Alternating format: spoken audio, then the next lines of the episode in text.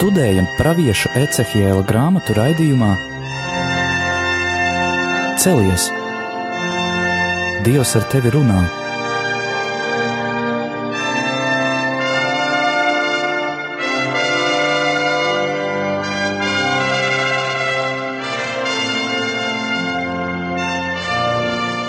Slavēts Jēzus Kristus, mūžīgi mūžos slavēts, studijā Stela un Anģela. Un kā jau dzirdējām, turpināsim studēt pravieša Ecehiela grāmatu, jo vairākus raidījumus nodarbojamies tikai ar šo tā varētu teikt, dieva godības, šī pārvietošanās līdzekļa apceri, atradām tur ļoti daudzus un dažādus simbolus, un arī tā ir tikai ļoti maza daļa no tā, ko gan Uh, vecās derības pētnieki, kuri neinteresējas par uh, jauno derību un to skaidro tikai vecās derības tradīcijā, gan arī jaunās derības pētnieki ir izpētījuši. Tā ir ļoti maza daļa, jo ap visu šo bagāto simboliku ir iespējams uh, viņus skatīties, pētīt līdz pat laiku beigām, un ap to arī nemitēsies diskusijas, bet mēs jau iesim mazliet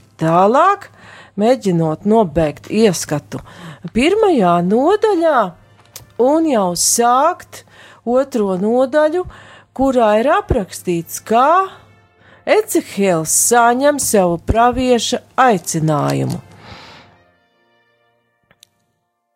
Pirmās nodaļas beigās jau redzam, ka šis sīkais, smalkais apraksts, kas ar ko bija savienots, kādi izskatījās ķērubi, viņu četras sejas, spārnu kustības. Eh, to visu pravietis ir mēģinājis aprakstīt un kaut kā jau ar to galā ticis, bet Tagad jau ir šī parādība viņam skaidrāka, jo mēs paši zinām arī dzīvē, ja mēs sastopamies ar kaut ko jaunu, pat nesaprotamu, brīnumainu, uh, tāda iedziļināšanās detaļās, ilgstoša uzlūkošana, pētīšana mums palīdz iet tuvāk tam nezināmajam, noslēpumainajam, un mēs uztveram no tā arvien vairāk. Tas ir kā, ja mēs ieraugām senā viduslaiku pilsētā senu katedrāli, mēs ilgi skatāmies, līdz mēs varam saprast kopainu un arī atšķirt detaļas. Un šeit Pravietis jau ilgstoši var saprast, ir uzlūkojis brīnumaino parādību, un viņam no šīs ilgstošās skatiena un apceres šī dieva godība sāk atklāties. Un vēl var piebilst, ka ļoti vērā ņemams ir kristīgs skaidrojums arī par ķērubiem un riteņiem, kuri vada to visu uz priekšu. Uh, ka viņi spēja redzēt visas šīs četras puses, ka viņi, kā eņģeļi, darbojas saskaņoti. Viņi neaizsēdz priekšā gājējiem vai aizmugurē gājējiem ceļu, neliek viņam kāju priekšā, netraucē tam otram. Kat katrs dara savu darbu. Tur ir ļoti liela saskaņotība šajā darbībā, kā dieva godība traucas uz priekšu šie dieva godības rati. Iet saskaņot, negrūstās. Katrs zina, ko viņš dara, un līdz ar to ir saprotams arī, kāpēc viņi iet tikai uz priekšu, viņi neskatās atpakaļ, jo Darbs ir kā padarīts? Darbs ir padarīts labi. Jā, darbs ir padarīts ideāli, un viņi, šie eņģeļi, šo pienākumu ir veikuši tā, ka nekas nav jāpārtaisa.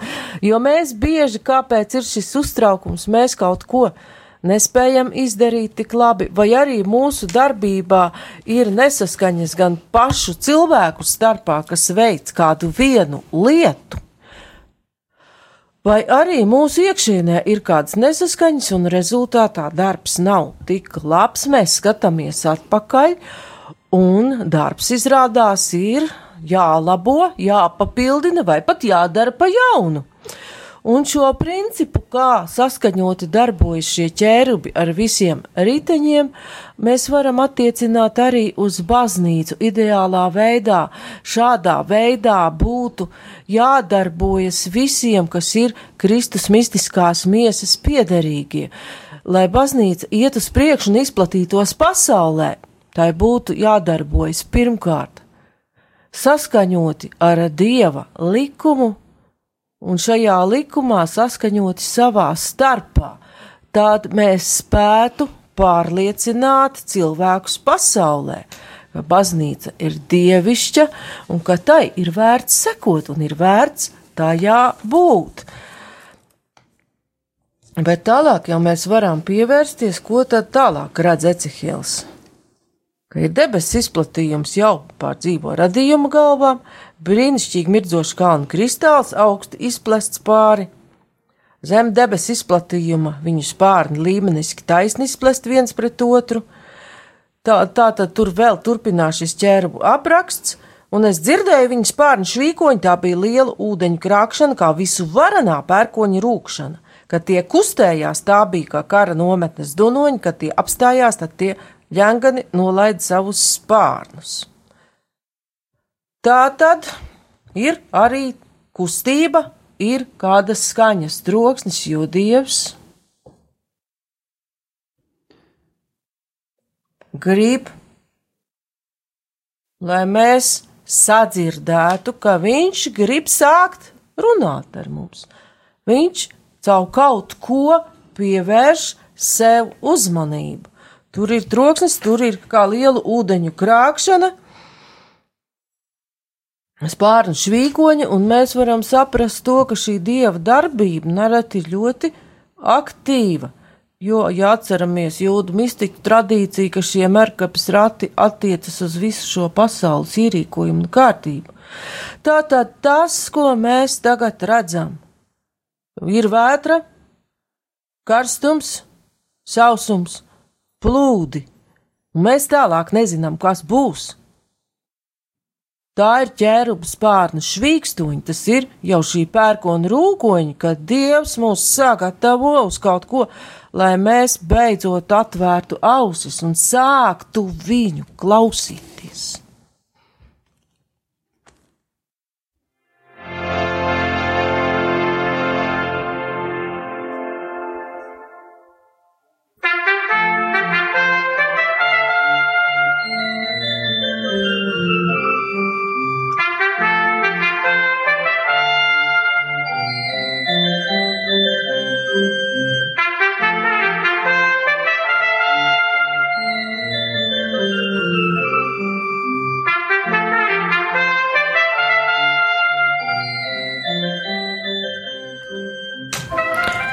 Tālāk, ja mēs redzam, pirms dieva uzrunas iestājas tas, kā mums ārkārtīgi pietrūkst un kā mums ļoti pietrūkst.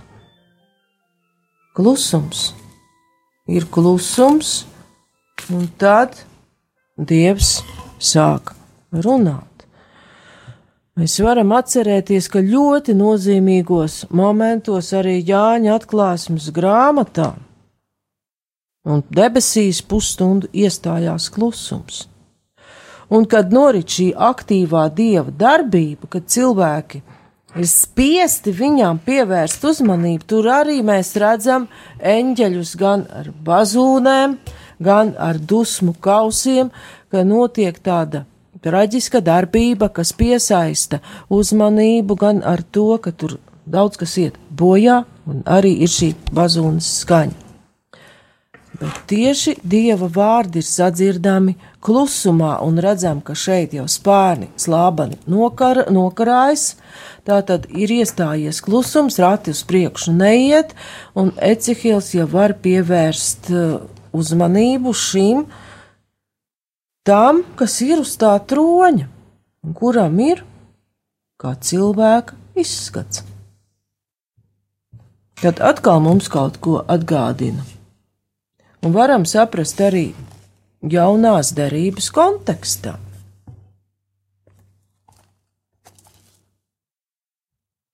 Ir pētnieki, kas pat uzskata, ka arī šeit, šajā redzējumā, Ecihils vēl pats to neapjausdams, ir redzējis jau pašu Jēzu Kristu.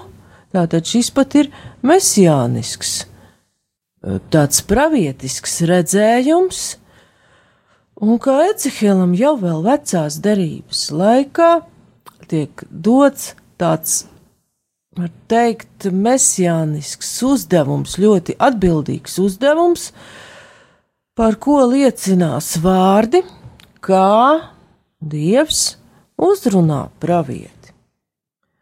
Un vēl mēs varam pievērst uzmanību tam, tur ir daudzi vecās derības simboli, kas liecina par Dieva klātbūtni, Virs augstu pār izplatījumu virs viņa galvām bija saskatāms kaut kas, kā safīra akmens, kaut kas tronim līdzīgs, un uz šī troņa veidojuma bija redzams tēls, kam bija cilvēka izskats. Tātad, ko mēs redzam, kur tas tronis ir? Viņš ir pāri visam radītajam, arī izplatījumam. Vīzija parāda, kā kungs ir rādījis pilnīgi visu virs zemes, zem zemes, pazemē. Tātad visas šīs sfēras, kuras mums apkārt ir, viņš ir radījis un viņš ir noteicējis par tām.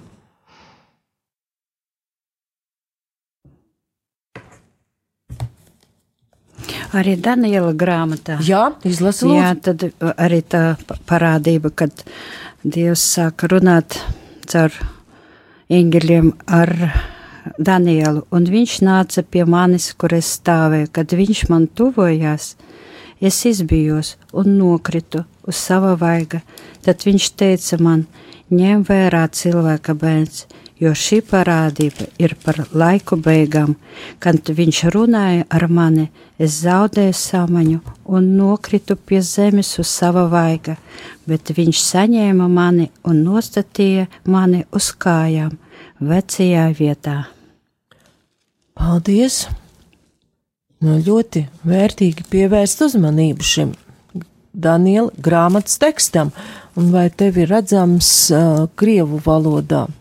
Vai arī jau Ecihila grāmatā Krievu valodā, otrās nodaļas pirmais pants, kā ir. Такое было видение подобия славы Господней. Увидев это, я пал на лицо свое и слышал глаз глаголящего, и он сказал мне, «Сын человеческий, стань на ноги твои, и я буду говорить с тобою». Paldies!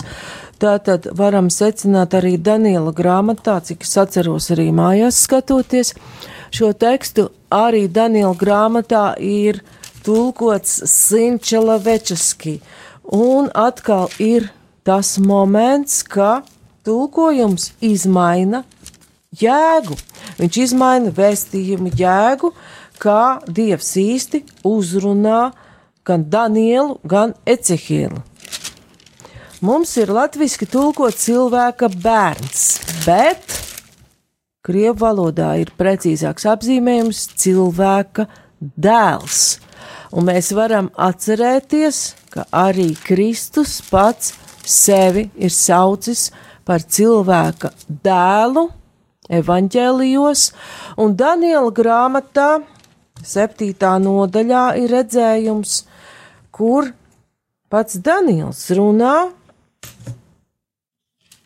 ka redzējis kādu cilvēka dēlam līdzīgu.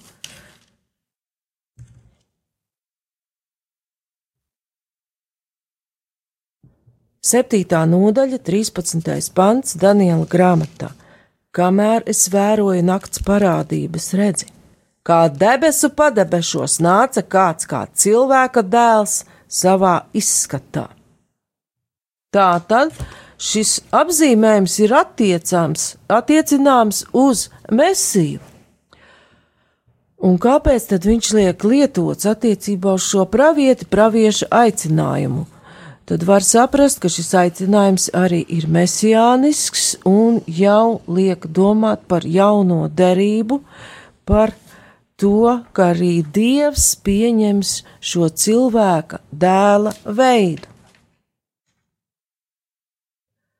Kam vēl te ir vērts pievērst uzmanību, ir visi šie krāšņie godības apraksti. Mēs redzam zaigojošā metāla mirdzumu, uguni visapkārt un iekšā viņam, tam, kam bija cilvēka izskats.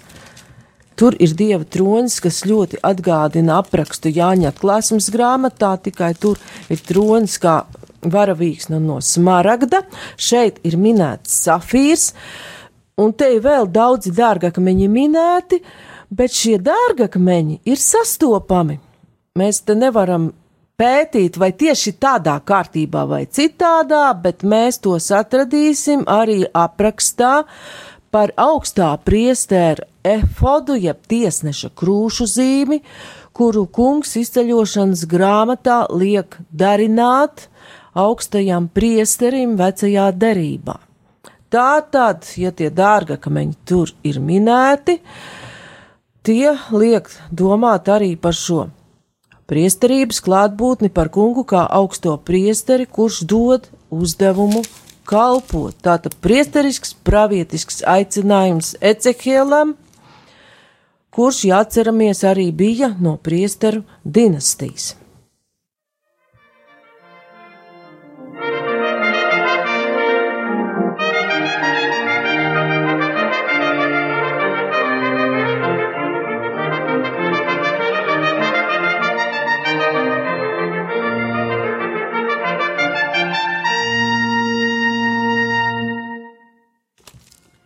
Arī var uh, atgādināt, kā Jeremiju.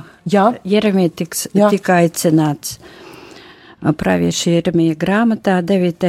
Izlasīju, lai mēs nodaļā. redzam, kā Jā? viņš. Mm -hmm. Un tad tas kungs izstiepa savu roku, aizkāra manu muti un sacīja: Redzi, es lieku savus vārdus tavā mutē. Es šodien tevi ieceļu par tautām un par ķēniņu valstīm, izplest ar visām saknēm un izraut, sagraut un izpostīt, tad uzcelt un dēstīt. Paldies! Un tu jau ar šo lasījumu jau sāc vest mūs tālāk, jo arī te būs izstieptā kunga roka, un ja tur tiek aizskartas pravieša Jeremija lūpas, tad šeit Ecihēls arī kaut ko saņems no kunga rokas, kas viņam būs jāliek mutē un jāpēd.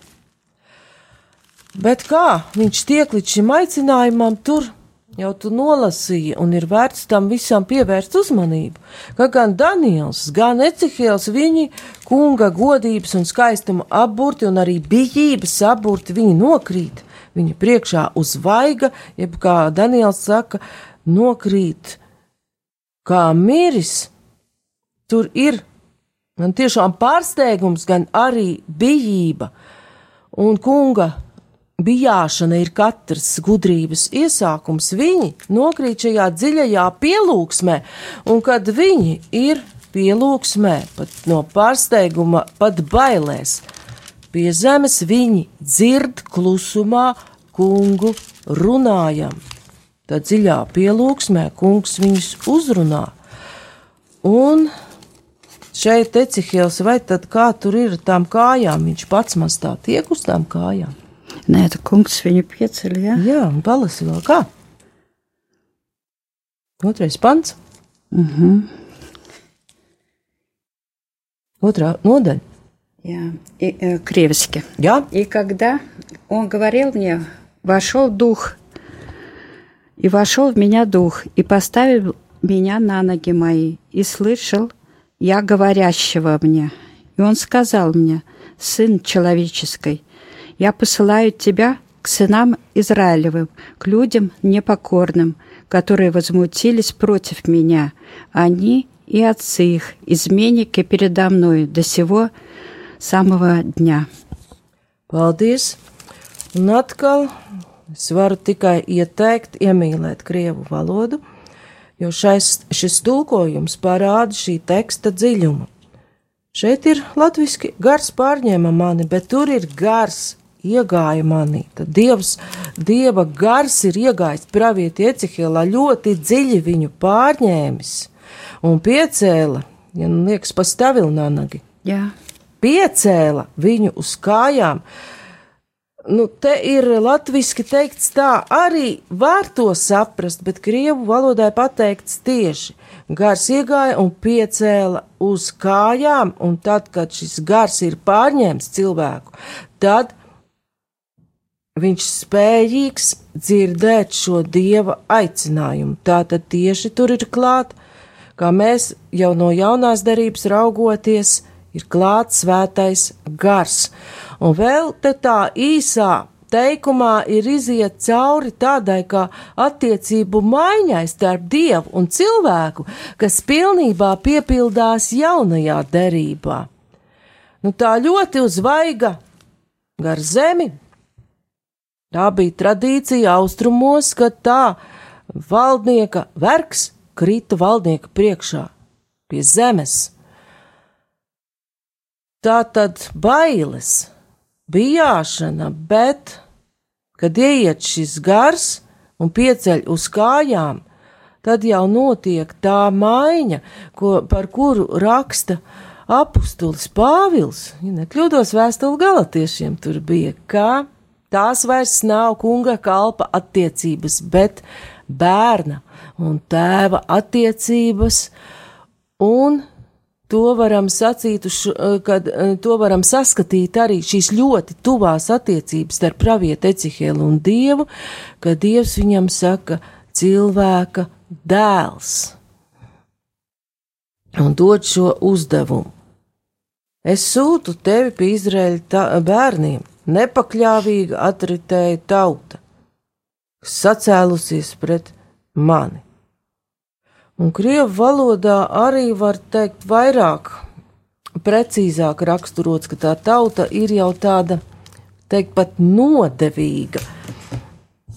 Un nepārtraukti viņa atkrīt, ja mēs iesim cauri vecās derības vēsturē, mēs redzēsim, ka tad, kad tautai klājas labi, tauta pati visu var, visu spēj, labprāt pieņem svešas reliģijas, svešus dievus, un par savu dievu, kas viņus ir izvedis no verdzības, atceras tad, kad iet ļoti, ļoti slikti.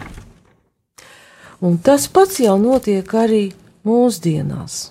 Kā šī pravieša Ecihela grāmata ir mācību grāmata tieši labklājības civilizācijai rietumos, kura no dieva iet prom un nevēlas par viņu neko pat zināt, norādot tieši uz tām vainām, kas tagad ir šajos baznīcas ratos, ja varētu teikt, ka tās kalpotāji, jeb tās eņģeļi nespēja darboties saskaņoti. Vēl mēs varam pievērst uzmanību tam, ka Dievs rēķinās ar to, ka tā tauta būs stūrgalvīga un neklausīsies. Viņai tas kakls būs ciets. Un tad kāpēc vispār vajadzētu iet tur? Dievs arī to pamato. Vai tie klausa vai neklausa, jo tie ir pretestības pilna cilts. Tiem jāzina, ka pravietis ir viņu vidū. Un arī, ja mēs skatāmies jaunajā darbā, Ļoti labi, jā, es apustuļa darbos, kad uh, uzdot jautājumu Pēterim, brāļi, ko lai mēs darām? Bet Pēteris tiem atbildēja, atgriezieties no grēkiem un liecieties kristīties ik viens Jēzus Kristus vārdā, lai jūs dabūtu grēku piedošanu un saņemtu svētā gara dāvanu. Paldies! Un kā redzam, ļoti svarīgi ir šī svētā gara dāvana, lai cilvēks varētu nostāties uz savām kājām un dzirdēt, ko Dievs runā. Jo tālākajos raidījumos mēs mazliet pieskarsimies arī tam, kāpēc tur tās kājas ir tā īpaši izceltas un minētas, jo kājas ir tā stabilitāte un pamats, uz kur mēs stāvam. Bet saprotot arī šo kunga teikumu, kuru viņš saka pravietim Ecehēlam, mēs varam uh, jaunajā derībā secināt, Jaunajā darībā tas skanētu tā: vai tie klausa vai neklausa, jo tie ir pretestības pilna cilts, tiem jāzina, ka baznīca ir viņu vidū. Tātad vai viņi klausās baznīcu vai neklausās, tā ir viņu brīvā izvēle, bet viņiem ir jāzina, un viņi zina, ka baznīca ar visu savu Kristus doto pravieša, karaļa un priestera aicinājumu joprojām ir un būs viņu vidū, jo kā pats Kristus ir solījis, Un šobrīd tas solījums ir ļoti svarīgs, un to dara atcerēties katru mīļu brīdi. Elles vārti baznīcu neuzvarēs.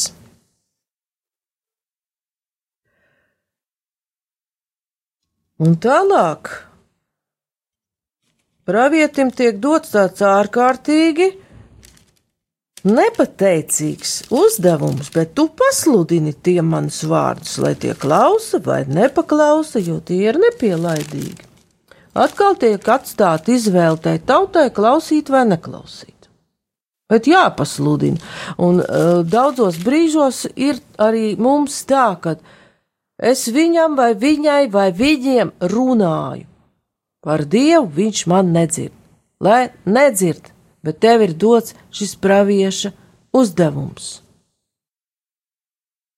Bet mūsu raidījuma laiks tuvojas beigām, un nākamajā reizē mēs jau runāsim par to, kas ir tas rakstu vīstoklis, kuru ir dots noēst Ecehielam. Redzējām, kā arī Jeremija lūpas tika īpaši aizskartas un svaidītas, lai viņš spētu saprast vārdu un to runāt, un kā tā rakstu vīstokļa vai grāmatas, kā atklāsmes grāmatā ēšana attiecas arī uz mums, un kā tā var būt mutē salda un vēderā rūkta, bet tas jau nākamajā raidījumā. Paldies par uzmanību! Studijā bija Stela un Anģela.